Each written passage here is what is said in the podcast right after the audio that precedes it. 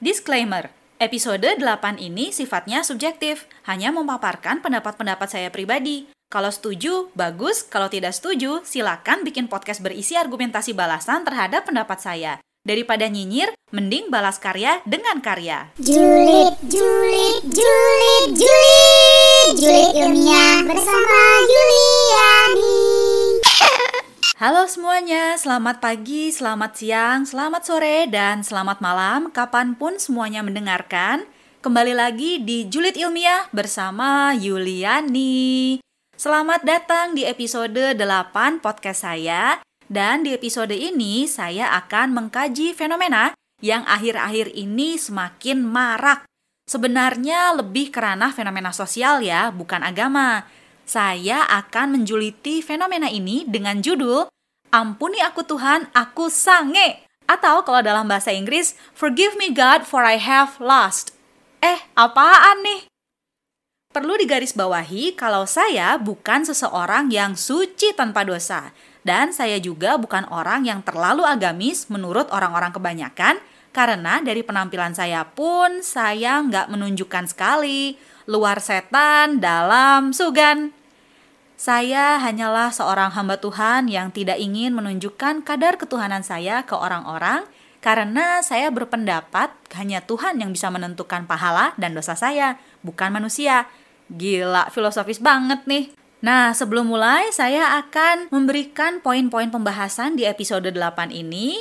Yang pertama, kenapa sih saya kasih judul Ampuni Aku Tuhan, Aku Sange? Terus poin kedua yaitu contoh dan bukti fenomena berahi berkedok agama. Berahi ya, di KBBI itu bukan birahi, tapi berahi. Terus poin ketiga, kok bisa sih ada berahi yang ditutupi dengan kedok agama? Kita mulai ya. Julid ilmiah yuk bersama saya Yuliani. Poin pertama, kenapa saya kasih judul Ampuni aku Tuhan, aku sange? Jadi gini, saya makin ke sini kok makin sering ya lihat di medsos, mulai dari Twitter, Instagram, dan video-video juga foto-foto di Facebook yang seperti menunjukkan berahi seseorang tapi diselipin agama. Antara pakai ekspresi-ekspresi agama lah, atau pakai suara latar orang mengaji. Tapi intinya tetap aja postingan itu menunjukkan nafsu. Selain postingan di medsos, saya juga makin sering menjumpai orang-orang yang berdalih ada ajarannya di agama, tapi intinya tetap aja mendahulukan nafsu. Nanti ya, saya kasih contoh di poin kedua. Maaf ya, saya forever seuzon banget. Sejak saya mendalami ilmu bahasa, apalagi saya lebih fokus ke pragmatik dan sosiopragmatik yang memang menganalisis konteks atau si kontol panjang itu, saya jadi lebih sering skeptis sama tuturan-tuturan orang. Ayo, masih inget nggak si kontol panjang ini apa? Kalau ada yang belum tahu, silakan playback episode 5 podcast saya tentang beauty privilege. Skeptisme saya ini makin didukung dengan maraknya berita tentang kasus-kasus pelecehan seksual yang dilakukan oleh orang-orang yang kata orang sekitarnya sangat baik keagamaannya. Emang sih saya nggak bisa menyamaratakan kalau semua kasus pelecehan seksual itu dilakukan orang-orang yang terlihat agamis. Mungkin juga media di kita yang sebenarnya memilih berita tentang pelecehan seksual hanya yang dilakukan oleh mereka yang kelihatan agamis. Nggak tahu juga ya, kan saya mah forever seuzon, jadi semua kena sasaran saya. Jadi intinya kenapa saya pilih judul Ampuni Aku Tuhan Aku Sange? Karena di episode ini saya ingin menjuliti jenis-jenis nafsu seksual atau berahi yang berkedok agama. Nah, di episode ini juga saya ingin membuka mata, telinga, dan otak kamu, terutama yang langsung klepek-klepek saat ada seseorang yang memuji diri kamu pakai kata-kata berbau agama kayak Masya Allah, indahnya mata kamu bersinar terang seperti melihat cahaya surga. Dih, kalau gue sih udah mau muntah dengerin kayak gitu. Julid ilmiah yuk bersama saya, Yuliani. Nah, sekarang masuk ke poin kedua di episode 8 ini, contoh dan bukti fenomena berahi berkedok agama. Contoh dan bukti ini saya kumpulkan dari beberapa sumber seperti berita, pengalaman pribadi, dan pengalaman orang lain. Daripada disimpan sendiri, mendingan dijulitin ke kamu biar saya bisa menyebarkan isme hashtag forever suuzon saya. Enaknya saya kasih contoh dan bukti dari pengalaman sendiri dulu aja ya, biar personal gitu deh. Kejadian ini pernah saya alami sekitar tahun 2012-2013 gitu. Waktu itu saya kenal dengan seseorang dari belahan bumi sebelah sana jadi dia itu darah Algeria, tapi kebangsaan dan tinggal di Belgia. Kami kenal dari satu medsos gitu. Nah, pas kami udah beberapa kali komunikasi, saya pernah sekali upload ke medsos foto saya pakai cadar ala-ala gitu deh.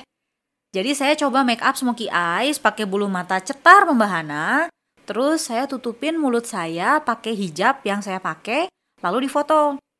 Maksudnya, saya tutupin mulut itu biar si riasan smoky eyes-nya dominan.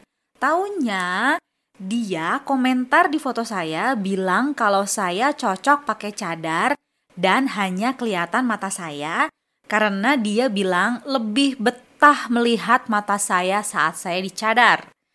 Mohon maaf, Kisanak, bukannya dalam agama kita itu disarankan untuk mengalihkan pandangan ya? Lu kenapa bilang betah menatap mata saya? Kalau saya mentalis, udah saya hipnotis lu biar lu kirim duit ke saya. Ya oke sih, saya ngaku saat dia muji saya kayak gitu, pastilah ada rasa GR-nya. Tapi sambil GR, saya juga dapet some kind of unbelievable moment gitu. Bayangin deh, kalau kamu lihat atau baca sesuatu yang bikin kamu mikir, apaan sih? Terus kamu melotot sambil mengernyitkan dahi dan mulut kamu manyun. Itulah ekspresi saya saat dia komentar kayak gitu. I was like, okay, whatever, say what you gonna say, I don't give a shit. Terus nih, contoh dan bukti berikutnya kemungkinan sih dialami beberapa orang. Apa coba? Ajakan ta'aruf. Loh, emang apa yang salah dengan ta'aruf? itu memang diajarkan dalam Islam kan? Kan pacaran itu haram. Iya, saya nggak nyalahin ajaran Islam tentang ta'aruf. Cuma makin ke sini orang-orang yang katanya hijrah tapi pengetahuan masih setengah-setengah cenderung mempersempit makna ta'aruf itu sendiri. Ini saya ngomong begini berdasarkan apa yang saya lihat, dengar, observasi, alami, dan diskusikan dengan beberapa teman saya dan kebetulan sebagian teman saya ada juga yang punya pikiran yang sama. Jadi orang-orang sekarang itu lebih menyempitkan makna ta'aruf ke menikah tanpa pacaran demi menghindari zina. Menurut saya dan sebagian teman saya, pernyataan kayak gitu malah memberikan kesan kalau mereka hanya ingin enak-enak dengan halal. Jadi nikah itu hanya untuk enak-enak, ha? Tidak seperti itu, Fulgoso. Kalau mereka mempersempit makna ta'aruf jadi seperti itu, berarti jelaskan mereka udah ngebet pengen ngentiau yang diizinkan agama. Dengar ya kalian para sangers yang hanya mikir enak-enak halal dalam ikatan pernikahan, hati-hati. Pernikahan itu nggak hanya urusan menyatukan dua alat reproduksi, tapi juga menyatukan hati, menyatukan nilai kehidupan, dua keluarga, persepsi, dan toleransi. Kalau kalian udah nikah dan akhirnya berhasil indehoy halal, terus tiba-tiba baru tahu sifat asli pasangan, masa mau cerai? Ya emang cerai itu diizinkan dalam agama Islam, tapi walaupun dibolehkan itu kan hal yang sangat dibenci. Arsi berguncang loh kalau ada perceraian, gila, tahu kan gue? Kadang saya juga menjumpai banyak akun-akun hijrah yang isinya itu malah kesannya jadi lapar akan pernikahan. Bahkan makna hijrah aja udah kayak dipersempit ya. Hijrah itu kan berasal dari akar kata hajaro, yang berarti berpindah tempat, keadaan, atau sifat. Nah, level hijrah orang kan beda-beda. Misalnya saya hijrah sifat, yang asalnya suka marah-marah, banting sana banting sini, sekarang mengurangi. Jadi cuma ngedumel. Tapi kenapa yang saya lihat di beberapa isi postingan akun-akun hijrah itu lebih menekankan ke pasangan hidup? Kesannya tuh kalau udah hijrah wajib banget gitu nikah. Emang nggak boleh kalau misalnya ada seorang pemabuk yang hijrah lalu bekerja keras demi keluarganya. Itu kan bagian dari hijrah juga kan? Nah, jadi kalian terutama para ciwi kalau ada ajakan ta'aruf, jangan GR dulu. Tetap lakukan proses ta'aruf sesuai dengan prosedur yang diajarkan di agama ya. Terus lagi nih, kamu jangan kegeeran kalau ada yang bilang, izinkan aku menjadi imammu. Yo sister, imam itu makmumnya banyak. Jangan main baper deh, ah bucin agamis itu istilahnya. Contoh lain yang dialami saya dan orang-orang yang saya kenal tentang sange agamis adalah menggunakan bahasa-bahasa agamis yang mengarah ke berahi. Mungkin kamu yang dengar podcast ini juga pernah mengalami atau melihat hal ini dialami oleh orang dekat kamu. Misalnya nih ya, kirim-kirim pesan untuk ngajak sholat tahajud Terus nelpon di jam-jam sepertiga malam hanya untuk ngingetin biar sholat tahajud. Pasti isi chat atau telepon itu nggak hanya ngingetin tahajud kan, pasti ngobrol yang lain. Dan di obrolan itu saya yakinlah diselipin dengan kata-kata manis, giung, enek gitu. Gak usah mengelak deh, saya juga pernah kok mengalaminya.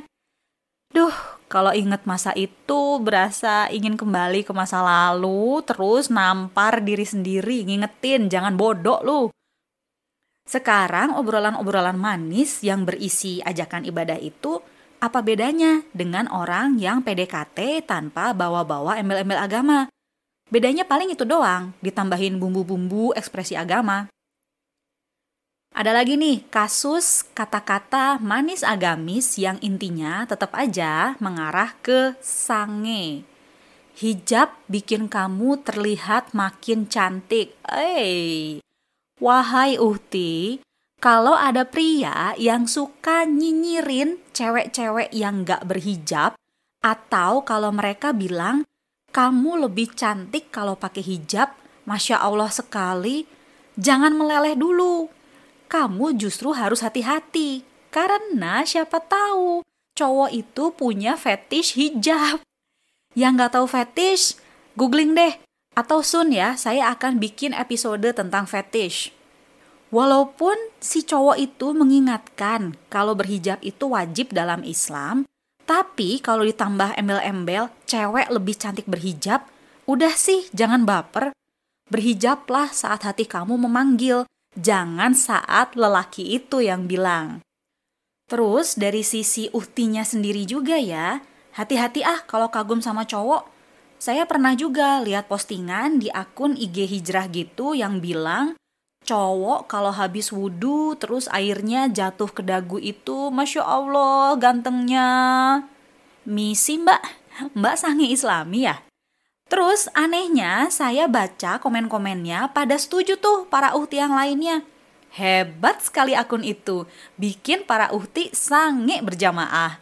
Uhti kok notis sih? Contoh berikutnya sebenarnya lebih ke penyalahgunaan agama untuk pelecehan seksual.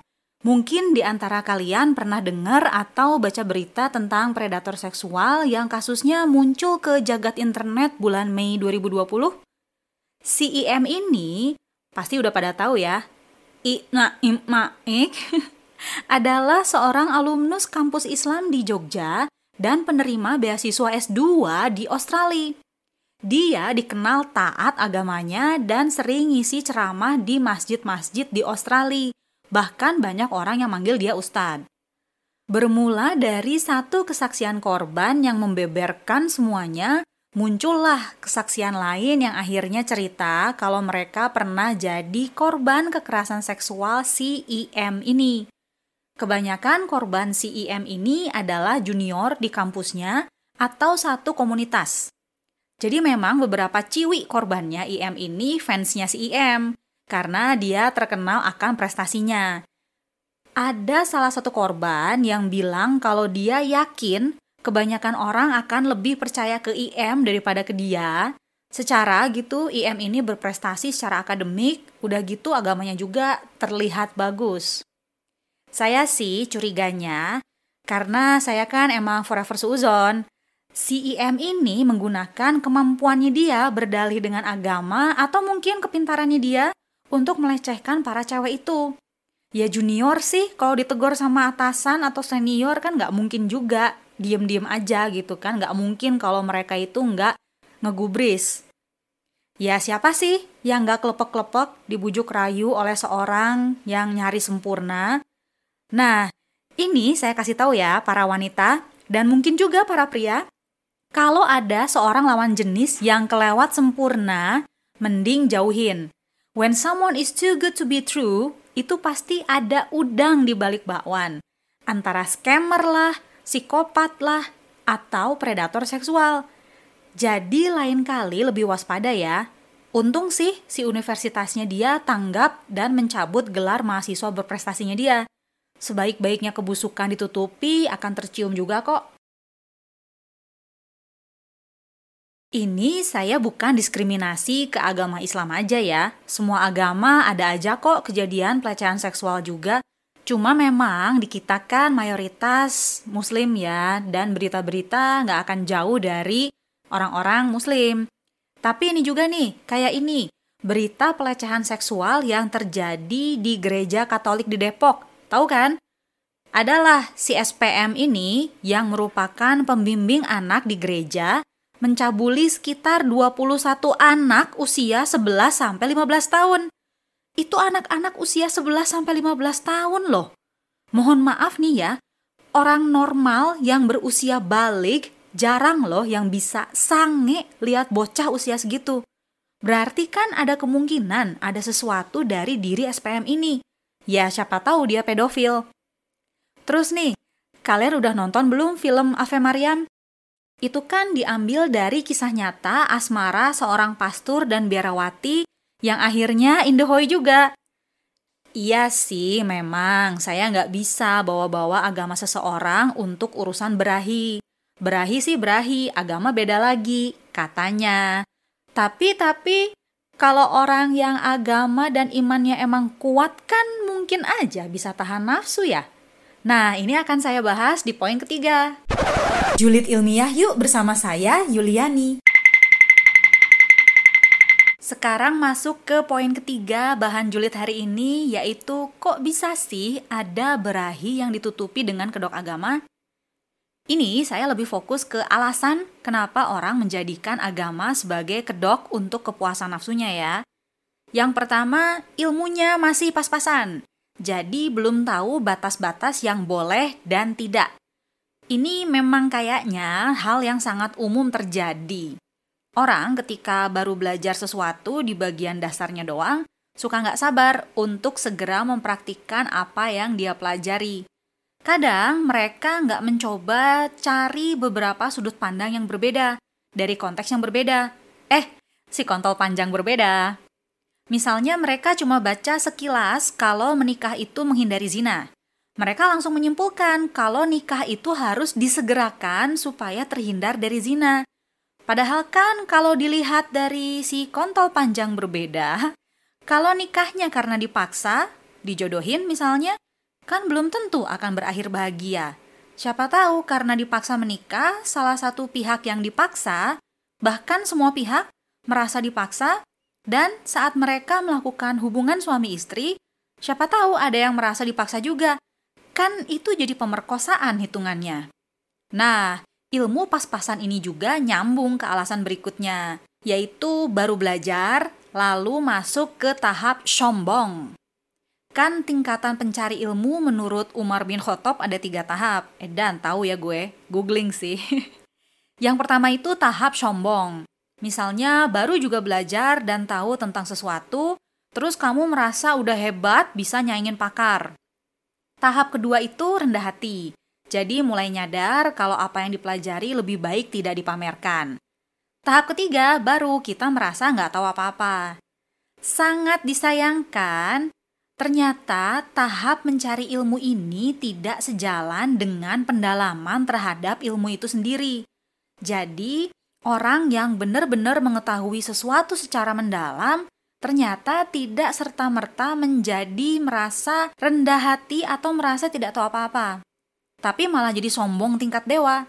Dalam kasus sange agamis ini, banyak kan yang menjual ayat dan ajaran-ajaran agama yang dia kuasai untuk menjerat korbannya. Kalau menurut saya pribadi sih, saya justru kasihan ke orang kayak gini, karena dia merasa paling benar. Nah, alasan berikutnya baru dia merasa paling benar. Mentang-mentang udah tahu agama secara mendalam, dia kepedean bahwa apa yang dia lakukan pasti benar menurut agama. Kalau salah pun, dia yakin pasti diampuni. Orang dia pengetahuan agamanya lebih dalam kok dibandingkan orang lain. Merasa benar ini bisa juga dibilang sombong. Ini saya nyinyir lagi ya. Kan sifat sombong itu salah satu penyakit hati yang dibenci Allah dan Rasulnya. Dan nantinya hatinya akan ditutup. Apa mungkin ya mereka yang kepedean dengan tingkat pengetahuan agamanya yang tinggi udah terlalu sombong, jadi udah tertutup aja gitu mata dan hatinya. Hmm, who knows? Kemungkinan terakhir, orang-orang menutupi berahinya dengan agama adalah hilaf. Ini sih alasan aja kayaknya. Orang selalu beralasan hilaf, nyalahin setan. Padahal emang dianya aja nggak bisa menjaga nafsunya. Ngakunya beriman, tahu agama secara mendalam, Masa sama selangkangan aja nggak bisa tahan? Udah alasan, nyalahin setan lagi. Kasihan amat hidup lu tan. Julid ilmiah yuk bersama saya Yuliani. Jadi, jenis sange agamis itu ada yang berupa kalimat-kalimat gombal yang disisipin ekspresi-ekspresi agama. Ada juga misinterpretasi dari ajaran agama dan langsung dilakukan tanpa lihat si kontol panjang. Dan ada juga penyalahgunaan posisi tinggi dia di komunitas agamanya untuk melakukan tindakan asusila. Pesan saya untuk orang-orang biar tidak terjebak sange berkedok agama, coba berpikir realistis. Kalau ada yang gombal pakai embel-embel agama, jangan langsung baper. Be realistic. Ada yang bilang kamu cakep pakai baju koko, Mikir aja sih, masa tiap saat pakai baju koko? Terus kalau ada yang bilang lebih cantik berhijab, kamu sendiri udah ada panggilan hati untuk berhijab belum? Jangan sampai malah ujung-ujungnya bongkar pasang hijab, malah jadi mempermainkan hijab. Terus kalau misalnya ada yang sempurna banget di mata kamu, ingat, kesempurnaan hanya milik Tuhan. Biar kamu gak terjerumus oleh kesempurnaan dia, Cari satu aja hal yang kira-kira nggak serak di mata kamu. Misalnya saya nih, kalau lihat cowok agamis yang ganteng, tutur kata santun, dan memperlakukan semua orang dengan hormat, maaf nih ya, saya terpaksa cari yang nggak serak dari dia secara fisik. Misalnya kurang tinggi. Ini bukan maksud saya menghina dia, cuma membatasi diri saya aja biar nggak kena trik jual pesonanya dia. Kalau sekiranya kamu udah mulai tergoda nafsu seksual, pikir aja, lu udah banyak dosa, ngapain nambahin dosa dengan berzina, ya kan? Semua itu balik lagi ke kekuatan kamu dalam menahan diri. Ayo, you are strong. Oke deh, segitu aja julid saya di episode 8 ini. Maaf banget banyak ekspresi vulgar. Saya sarankan untuk mendengarnya pakai headset ya. Ketemu lagi di bahan julid berikutnya. Dadah.